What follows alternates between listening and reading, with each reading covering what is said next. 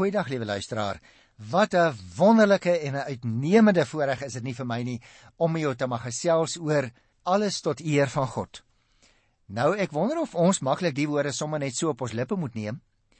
Maar nou sien jy as jy die Bybel voor jou sou oop hê, hier aan die einde van 1 Korintiërs 10 is daar so 'n opskrifie. Alles tot eer van God. En hier kry ons nou 'n baie interessante gedeelte. Onthou nou, die apostel is besig om te reageer op sekere groot vraagstukke wat die Christusgelowiges daar in die groot wêreldstad Korinte het. En hulle kry met baie lande allerlei dinge te maak wat vir hulle vreemd is. Hulle weet nie altyd hoe om daarop te reageer nie. En dit is nou waarmee die apostel in hierdie gedeelte besig is. Om die waarheid te sê, ek dink hierdie verse is vir ons belangrik omdat ons hier in 'n verklanking sien van waarop 'n mens se lewe as Christen uiteindelik uitloop. Die gedagte lyk vir my dat 'n mens met God verenig word wanneer jy 'n offer eet. Was 'n baie belangrike gedagte, nie net in die Christendom nie, maar ook in die Joodse geloof destyds en selfs in die afgodsdiens van daardie tye. En daarom vind dit nou ook hier neerslag in hierdie gedeelte.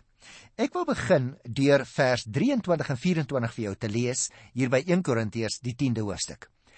Daar is mense wat sê, en nou moet jy oplet, liewe luisteraar, die apostel verwys hierso na sekere van die Griekse filosowe. Jy sal onthou ons het in ander gedeeltes ook al gelees en hier kry ons dit nou weer baie duidelik waar dit na vore kom.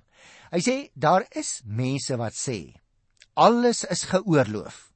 Nou reageer die apostel daarop. Hy sê: "Ja, maar nie alles is heilsaam nie.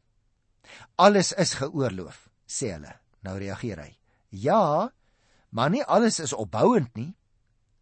'n Mens moet nie sy eie voordeel soek nie, maar die van 'n ander." Nou dis interessant. As 'n mens oormatig bekommerd raak oor jouself, dan uh, stel jy self ek herhaal, dan stel jy jouself mos altyd in die sentrum van jou denke.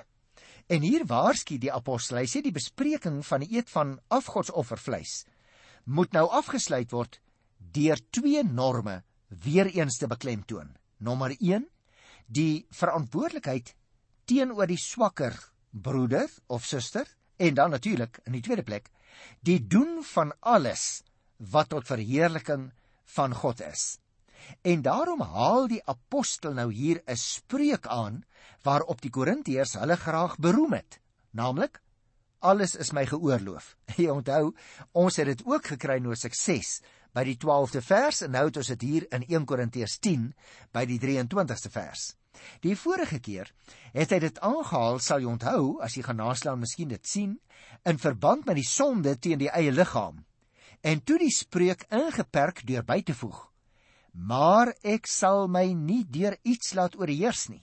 Nou hierdie keer het die apostel te maak met die sonde teen die medemens en weer eens perk hy die vryheid in deur by te voeg, maar nie alles stig nie. Letterlik staan daar in die Griekse taal, nie alles bou op nie. Dit gaan dus om die doen van dinge wat die geestelike lewe van die naaste nie gaan afbreek nie, maar dit wel sal opbou. En natuurlik beteken dit ek moet ook die dinge doen wat myself gaan afbreek nie, maar my eerder sal opbou. Daarom sê hy in die 24ste vers: 'n Mens moet nie sy eie voordeel soek nie, maar die van die ander. Nou, dit is maklik om in 'n sekere sin ander mense af te breek ten koste van jouself. En daarom sê hy, jy moenie jou eie voordeel soek nie vers 24 maar die van die ander. Nou kom ons lees so klein bietjie verder vers 25 en 26. Alles wat in 'n slaghuis verkoop word, kan jy eet sonder om ter wille van die gewete navraag te doen. Want die aarde en nou hulle aan uit Psalm 24. Hy sê want die aarde met alles wat daarop is, behoort aan ah behoort aan die Here. Daar is dus, liewe luisteraar, verskillende aspekte waarop ons hier moet let. Uh die Paulus ek raal, die apostel Paulus wil nog 'n laaste woord van advies in verband met die eet van offervleis vir ons gee. Eers lê hy die algemene reël neer vir die optrede van die gelowige. Die vryheid van die Christen word erken in die woorde alles is geoorloof. Maar die vryheid as sodanig is nie 'n beginsel vir ons optrede nie. Steeds moet ons let op die geestelike opbou van ons naaste. Dit word die beginsel. En die liefde moet die rigsnoer wees by die aanwending van ons vryheid.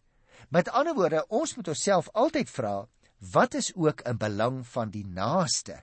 En dit moet ons baie hoog aanslaan. As jy en ek soms so oormatig bekommerd raak oor elke dingetjie wat ons doen, dan raak ons dikwels wetties hoor en dan kan ons later nie meer die lewe geniet nie. God het vir ons alles gegee om te geniet. Dit het ons ook al Hosea 10 by die 26 vers gelees en Paulus haal dit hier aan het ek jou gesê uit Psalm 24. As ons byvoorbeeld van 'n probleem weet, dan moet ons probeer om dit so gou as moontlik op te los. Moet egter nie na probleme loop en soek nie, hoor. As ons net op die wet begin konsentreer, is ons tog eintlik maar besig om onsself te probeer beskerm. Paulus se advies is dat die gelowiges van die vleis wat beskikbaar is kan koop omdat 'n afgod tog nie iets anders is nie en alles per slot van sake aan die Here behoort. Indien iemand daaroor sou navraag doen, sê hy, gee hy of sy nog blyke daarvan dat hy of sy nog nie ten volle aanvaar dat werklik alles aan die Here behoort nie. Geen gelowige mag egter ooit 'n ander tot enige moontlike struikeling dring deur sy of haar optrede nie. En daarom is dit so belangrik as 'n mens hierdie 25ste en 26ste vers lees dat die apostel sê ons mag alles koop wat in die slaghuis verkoop word. Ons mag dit ook eet sonder om te wille van die gewete navraag te doen. Kom ek noem 'n voorbeeld. Sien nou maar jy kom in die slaghuis en daar staan 'n ou, jy stap daar na die vrieskas toe waar die waar die hoenders verkoop word. Nou staan daar 'n uh, Mohammedaan en hy sê, "Hoorie, ek wil net vir jou sê, hierdie hoenders is aan 'n afgod geoffer." Paulus sê, "Dan moet jy dit nie eet nie." Maar as daar niemand staan nie of daar staan iemand en hy sê nou nie vir jou hierdie goed is nie afgod of afgode geoffer nie. Hy sê dan kan julle dit eet sonder om ter wille van die gewete navraag te doen. En die rede is omdat alles in hierdie wêreld wat bestaan deur die Here tot stand gebring is. Vers 26. Want die aarde met alles wat daarop is, behoort aan die Here. En dan kom hy by vers 27 en ek gaan dit reg deurlees tot by vers 30. Hy sê, ek kyk nou mooi op die voorbeeld wat hy noem, né? As 'n ongelowige julle uitnooi en julle besluit om te gaan, kan julle alles eet wat vir julle voorgesit word sonder om ter wille van die gewete navraag te doen. Maar as iemand vir julle sê, hm, "Dis afgodsoffer," Paulus sê, moet dit daar eet nie.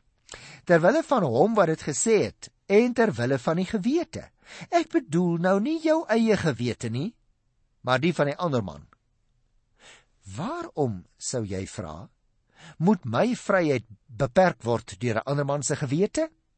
As ek iets met danksegging geniet, waarom word daar van my kwaad gepraat oor iets waarvoor ek God dank? Die apostel sê ek moet ander mense in aanmerking neem. Maar ek moet ook terselfdertyd oppas dat ander mense nie my maatstaf word nie. Hy sê die geval mag byvoorbeeld ook voorkom dat 'n gelowige deur 'n ongelowige vir ete uitgenooi word. In so 'n geval sê Paulus, kan die gelowige gaan, hoewel hy nie baie sterk daaroor voel nie. By die maaltyd moet die gelowige alles eet, sê Paulus. Nou let nou op. As een van die tafelgenote hom nou daarop attent maak dat dit wat hy nou gaan eet afgodsoffer is, dis offervleis dan sê Paulus moet hy dit nie eet nie ter wille van die persoon wat die opmerking gemaak het. Die genooide gas het self geen beswaar nie. Hy het die vryheid om te eet want Christus het hom vrygemaak en hy weet alles behoort aan die Here, maar hy moet onthou dat hy verantwoordelikheid het teenoor die swakkere. Jy sien, in my en jou optrede moet ons steeds die eer van God vooropstel en daarom moet ons deur ons optrede nog Jood, nog Griek, nog gemeentelid van die Here vervreem. Dit is dus baie belangrik, liewe luisteraar, dat ons ander mense in aanmerking neem. Luister nou, hy hy spel dit uit hier van vers 31 af. Hy sê of julle eet en of julle drink of wat julle ook al doen, doen alles tot eer van God. Moenie aanstoot gee nie, nie aan Jode of aan Grieke of aan die gemeente van God nie. Maak soos ek. En nou dis 'n geweldige hoë eis, né? As Paulus sê, maak soos ek, is jy bereid om dit te sê? Hy sê, maak soos ek. Ek probeer om almal in alles tegemoet te kom. Ek soek nie my eie belang nie, maar die van baie ander, sodat hulle gered kan word. Dit is dus 'n geweldige hoë eis wat die apostel hier stel van die 31ste vers af. En dis asof dit nog nie genoeg is nie. Hy sluit af met die eerste versie van 1 Korinte 11. Die hele gedeelte vorm eintlik 'n een eenheid. Daarom kom ek lees dit. Volg my voorbeeld, soos ek die voorbeeld van Christus volg. Jy onthou ons het al van tevore daaroor gepraat. Want Paulus het dit van tevore al vir ons baie duidelik gesê. Sonder selfverheffing of roem kan Paulus sy eie voorbeeld telkens voorhou en tot navolging van homself oproep. Jy sal onthou ek het daarop gewys in 1 Korinte die 4de hoofstuk by vers 16. Ons gaan dit in die toekoms nog weer 'n keer kry by Efesiërs 5 vers 1, by Filippense 3 vers 17, by 2 Tessalonisense 3 vers 7 en vers 9. Nou die rede hoekom ek vir jou die verwysing gee, is om daarop te wys, liewe luisteraar, dat die apostel telkens maar telke ek herhaal dat die apostel telke male in sy briewe ander mense opgeroep het om hom na te volg. Nie omdat hy wonderlik was nie, maar omdat hy in sulke groot afhanklikheid van die Here geleef het dat hy bereid kon wees om te sê al is ek nie volmaak nie. Kyk hoe help die Here my. En dit is broer en suster wat vir jou en vir my ook van sulke groot belang is dat ons ook bereid moet kan wees om ander mense op te roep om ons na te volg, nie omdat ons wonderlik is nie, maar omdat die Heilige Gees ons telkens help, ons telkens oprig wanneer ons val. Daarom moet daar ook in ons lewe geen roem van enige aard wees nie, maar moet ons voortgaan om ons afhanklikheid van die Here telkens weer en weer te bely. Jy sou my kon vra nou maar broer Johan, hoekom sê Paulus dat hulle sy voorbeeld moet volg? O, verseker nie soos ek net nou gesê het. Verseker nie omdat hy trots of oogmoedig was nie, hoor. En hy het homself ook beslis nie as sondeloos beskou nie. Die gelowiges van Korinte het egter nie soveel van die mensgeworde Jesus se lewe en werk afgeweet nie. Paulus kon dus nie vir hulle sê om Jesus se voorbeeld te volg nie, want die evangelies was toe nog nie geskrywe nie. Dit was nog nie op skrif nie. En daarom, daarom sou hulle nie weet hoe die Here Jesus gelewe het nie. Deur hulle aandag dus nou te vestig op die voorbeeld van 'n gelowige wat hulle vertroue gewen het, kon hy hulle dus ook meer omtrent die Here Jesus se voorbeeld vertel. Paulus, moet ons onthou, liewe luisteraar, het byna 2 jaar lank in Korinte gewerk. Baie van die gelowiges het vertroue in hom gehad. Hulle het hom gesien optree, hulle het gesien sy diensbereidheid. Die groot geheim, dink ek, was dat die mense altyd die geestelike buitelyne van die Here Jesus in Paulus se optrede kon raak sien. Nou in die laaste paar minute wat ek het vir hierdie program vir vandag, wil ek jou graag reageer op 'n briefie wat iemand geskryf het en gesê het maar maar as ons nou eenvoudig mag sê al hierdie goed hoe sal ons weet wat mag ek doen en wat mag ek nie doen nie. Nou luisteraar, ek het al van tevore so bietjie daarop gereageer, maar laat ek dit 'n bietjie breër vandag ook weer doen want ek dink dit kom baie duidelik na vore in hierdie gedeelte wat ons behandel het. Paulus gee vir ons hier 'n stukkie gereedskap wat vir jou en vir my in ons eie tyd kan help sodat ons kan weet hoe om op te tree wanneer ons met vreemde situasies wat nie eers in Bybelse tye voorgekom het nie te make kry. Die gereedskap is dit. Hy sê ons staan elke een in 3 verhoudinge. Die eerste verhouding waarin ons staan, staan hier in vers 31. Of jy eet en of jy drink of wat jy ook al doen, doen alles tot eer van God. Met ander woorde, die eerste verhouding waarin jy en ek staan, liewe luisteraar, is 'n verhouding teenoor die Here. Die tweede verhouding is dat jy en ek staan in verhouding met ander mense, of hulle nou gelowig is, Christene is en of hulle ongelowig is. Kom ons vergeet dit 'n oomblik, maar jy en ek staan in verhouding met ander mense. Dit staan in twee versies wat ek vandag gelees het. Hier in vers 24 staan daar byvoorbeeld geskrywe: 'n Mens moet nie sy eie voordeel soek nie, maar die van ander. Met ander woorde, ons staan in 'n verhouding teenoor ander mense en dit staan ook in vers 32.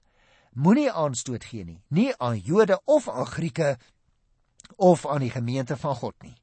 Eerste verhouding met die Here. Tweede verhouding met medemense. Die derde verhouding, ah, jy en ek staan in 'n verhouding met onsself. Staan hier in vers 23. Luister so bietjie. Daar is mense wat sê alles is geoorloof. Ja, maar nie alles is heilsaam nie. Alles is geoorloof sê hulle. Ja, maar nie alles is opbouend nie. Met ander woorde, liewe luisteraar, daai plek wat jy besoek, daai ding wat jy gedoen het, as jy vanaand in die bed lê, dan sê vir jouself, maar ek voel hom nie nou baie gelukkig nie. Ek voel nie nou gebou nie. Ek voel gebreek. Ek voel nie opgebou nie om Paulus se woorde te gebruik. Ek voel gestuur in my gemoed. Nou net so gebruik die apostel nou die voorbeeld van die offervleis. Want dit was 'n situasie wat werklik was vir die mense daar in Korinte hiervan vers 27 af waar hy nou sê as 'n ongelowige julle uitnooi om te gaan eet, né? Ons het daai voorbeeld nou gelees. Dan sê hy, jy kom nou daar, jy weet nou nie hoe moet ek optree nie. Jy moet werk met jou met jou drie verhoudingsvrae. Jy sou kon sê Maar hierdie vleis, ah, as ek dit eet, dit is tot verheerliking van die Here want hy het die vleis gegee. Daar's die groen groen lig natuurlik aan. Ehm um, nou ja, kan jy vir jouself sê ek eet dit want eh uh, die Here het my vrygemaak. Dan is die verhouding teenoor jouself aan. Derde verhouding. Maar jou tweede verhouding. As jy in so 'n situasie waar mense sit wat nog wonder oor hierdie afgodsvleis, as jy as Christen die afgodsvleis eet, dan kyk hulle jou hier op die tweede vlak, né, tweede verhouding waarin jy staan en dan raak hulle onseker. Dan weet hulle nie meer so mooi nie. Nou as daai lig aangaan, dan moet jy sê ek wil nie hierdie verhouding met 'n medemens belemmer nie, daarom gaan ek dit los. Kom ek pas dit so op twee of drie voorbeelde uh toe, liewe luisteraar, want jou kinders of jou kleinkinders kan jou dalk vra. Kom ons vat ou bekende voorbeelde. En dan werk ons met die stukkie gereedskap, die drie verhoudingsvrae. Kom ons vat die voorbeeld van dans. Onthou jy? Daar in Eksodus 15 vers 20. Uh Moses se suster Miriam, sy dans. Daar in Rigters 11:34, die dogter van nogal die ehm um, rigter Jefta. Uh sy dans. Nadat hy terugkom van sy oorlog teen die Ammoniete.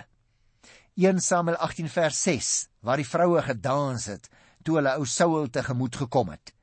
Nou is die vraag dinge maak. Jy kan nie moderne danse vergelyk met Bybelse danse nie. Want is goed wat op verskillende vlakke lê, jy vergelyk appels met pere, jy kan dit nie doen nie. Die tweede opmerking. In die Bybel het jy te maak met danse wat uitgevoer is uit dankbaarheid teenoor iets wat die Here gedoen het. Dit is dus in 'n bepaalde, ek wil amper sê, godsdienstige milieu terwyl sekulêre danse iets heeltemal anders is, dis weer appels met pere. So jy kan jou nie op daai voorbeelde beroep om dans regverdig nie. Hoe gaan jy dit nou doen? Werk met jou drie verhoudingsvrae. Jy gaan na 'n partytjie toe. As jy 16 jaar oud is byvoorbeeld, dalk luister as sulke ouens. En daar's jou vriende, hulle jy gaan vier hierdie 16 jarige partytjie van julle almal. Julle dans dat die bissies bewe, dat die sweet julle afloop, want sê julle, "Mmm, ek wil my verhouding met die Here bou, ek wil my spiere so 'n bietjie ontwikkel." Miskien kan jy, maar jy sê vir my die lig is groen, hoe kan ek nou vir jou sê die lig is rooi? Die Here het vir jou spiere gegee, nie waar nie? Ehm uh, jy uh, verkeer lekker saam met jou vriende, julle maak grappies, julle dans, jy gaan huis toe, jy sê, "Ah, die verhouding op my tweede vlak, die tussen ons, horisontaal. Die lig is ook groen. Ons verhouding is nog baie beter tussen met mekaar. Ons sal lewe lank vriende bly. Kom by die huis, jou ma vrou, hoe, hoe was die partytjie? Ek sê, "Jo, ma, dit was 'n lekker partytjie." Ek voel so lekker. Ek was daar, ek het nog oefening nog gekry. Jy voel goed oor jouself, jy voel gebou. Met ander woorde, in daardie situasie was al die ligte groen. Kom ek nou 'n tweede voorbeeld. Nou gaan hierdie ou na 'n sekere plek, toe sê net maar in die stad waar ons ook maar woon hier in Pretoria nê of by 'n vakansie oor daar by die kus. En uh jy kom daar by die partytjie. Die atmosfeer is 'n bietjie anders as wat jy gewoonlik by die huis ken. Maar uh die musiek speel en nou ja, die Here het mense ook gawes gegee om musiek te maak nê. En jy uh jy gaan oefen weer jou spiere. So jy jy sê nee wat op die op die eerste vlak voel ek gebou. Ek voel nie afgebreek nie. Dit is my goed om so 'n bietjie oefening te kry. Op die tweede vlak sê jy ja, die ouens wat die musiek maak, hulle daai talent van die Here ontvang so op die eerste vlak, die verhouding met die Here. Nee, ek dink nie daai daai verhouding was belemmer nie. Ek dink die lig is ook groen. Maar nou as jy huis toe gaan, die einde van die partytjie, dan sien jy hier agter die tent. Hier lê 'n klomp jong mense op die gras en op die sand rond. Hulle vry ook dat die bissies bewe. As jy nog so verder loop, dan sien jy daar 'n paar dwelms. Sien 'n hele paar goed, dan sê o, o, nou gaan hier 'n rooi lig aan. Watter rooi lig is dit? Sien op die tweede vlak. Mense op die tweede vlak, die verhouding met mekaar. Dit begin bietjie skade lei. Nou kan jy nie meer in jou tent gaan lê in die aand en sommer net rustig voel nie want hoe meer jy nadink en jy sien hoe dat mense teenoor mekaar opgetree het en dinge gedoen het wat hulle gebreek het en nie gebou het nie. Nou voel jy ook op op verhouding met jouself sommer gestuur. Met ander woorde, liewe luisteraar, ons het 'n situasie presies wat Paulus hier sê. In die een omstandigheid sê hy vir die Christene daar in Korinte, julle kan maar die offervleis eet. Maar wanneer hulle in 'n ander situasie kom en net voordat daardie Christen daar in Korinte die vurk met die vleis wat aan die afgode geoffer is in sy mond wil steek en daar staan 'n heiden en hy sê, "Mmm, ek wil jou net sê Hierdie is afgodsoffer. Paulus sê dan moet jy nie dit eet nie. Nie omdat jy self gewetensbeswaar het nie, maar ter wille van die gewete van die ander een staan daar. Met ander woorde, hy is besig om vir jou 'n struik te stel. En as jy dit doen en in daardie struik trap, dan sê hy vir homself: "Ag nou ja, as die as die Christen nie 'n probleem het om te eet nie, dan uh, dan hoef ek mos ook nie 'n probleem te hê nie en dan gaan daardie heiden in Korinte net voort om te woeker met al hierdie ander afgode en luste en goed wat hom van die Here af wegtrek. Daarom sê Paulus, ook in daardie stad Korinte moet jy weet jy is 'n wagter oor jou broer. Jy is iemand wat moet optree as vry. O ja, Maar as dit jou naaste tot struikeling kan bring, dan moet jy dit liewer nie doen nie. So, liewe luisteraar, selfs 'n eenvoudige ding soos dans. Dit kan in sekere omstandighede verkeerd wees, selfs sonde wees omdat mense daardeur tot struikeling kan kom, maar op sigself is dit nie noodwendig sonde nie. As jy dus my vra nou, wat wil Paulus vir ons leer uit hierdie gedeelte waar hy met ons praat oor die drie verhoudingsvrae waarin ons staan? Dan wil ek vir jou sê, "Jo, liewe luisteraar, die Bybel is vir vandag bedoel." Die Bybel gee vir ons nie net 'n klomp wette en reëls wat swaar is om na te kom nie, maar wie wat? Die Bybel vertel vir jou en vir my, ons het ook verantwoordelikheid. Die vryheid waarmee Christus vir ons betaal het en vir ons vrygemaak het. Beteken nie ons is bandeloos nie. Maar ons leef in hierdie vryheid onder leiding van die Heilige Gees op grond van die gesag van die Here se woord. En ons kry daarin riglyne. Nie om te sê dit moet jy doen nie, maar om te sê in sekere omstandighede kan jy sekere dinge doen. Jou drie verhoudingsvrae wat jy vra is: Is dit tot eer van die Here? Is dit tot voordeel van my naaste? Is dit tot my eie opbou? As al drie die ligte groen is, o, oh, dan kan jy dit in oorgawe doen. As een van daardie ligte oranje is of hy word so bietjie rooi, los dit dan liewer. Nie omdat dit noodwendig sonde is nie, maar omdat dit dalk jou naaste kan laat struikel. Want aan die einde van die dag, as jy by die huis kom, dan wil jy sê ek voel bly dat ek aan die Here mag behoort en hom kon bly maak. Ek voel trots dat ek nie iemand anders vandag laat struikel het nie.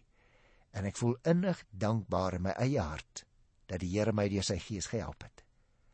Anders is daar dalk dinge in jou lewe wat jy moet los. Ek groet jou in die wonderlike naam van die Here tot volgende keer. Tot dan. Totsiens.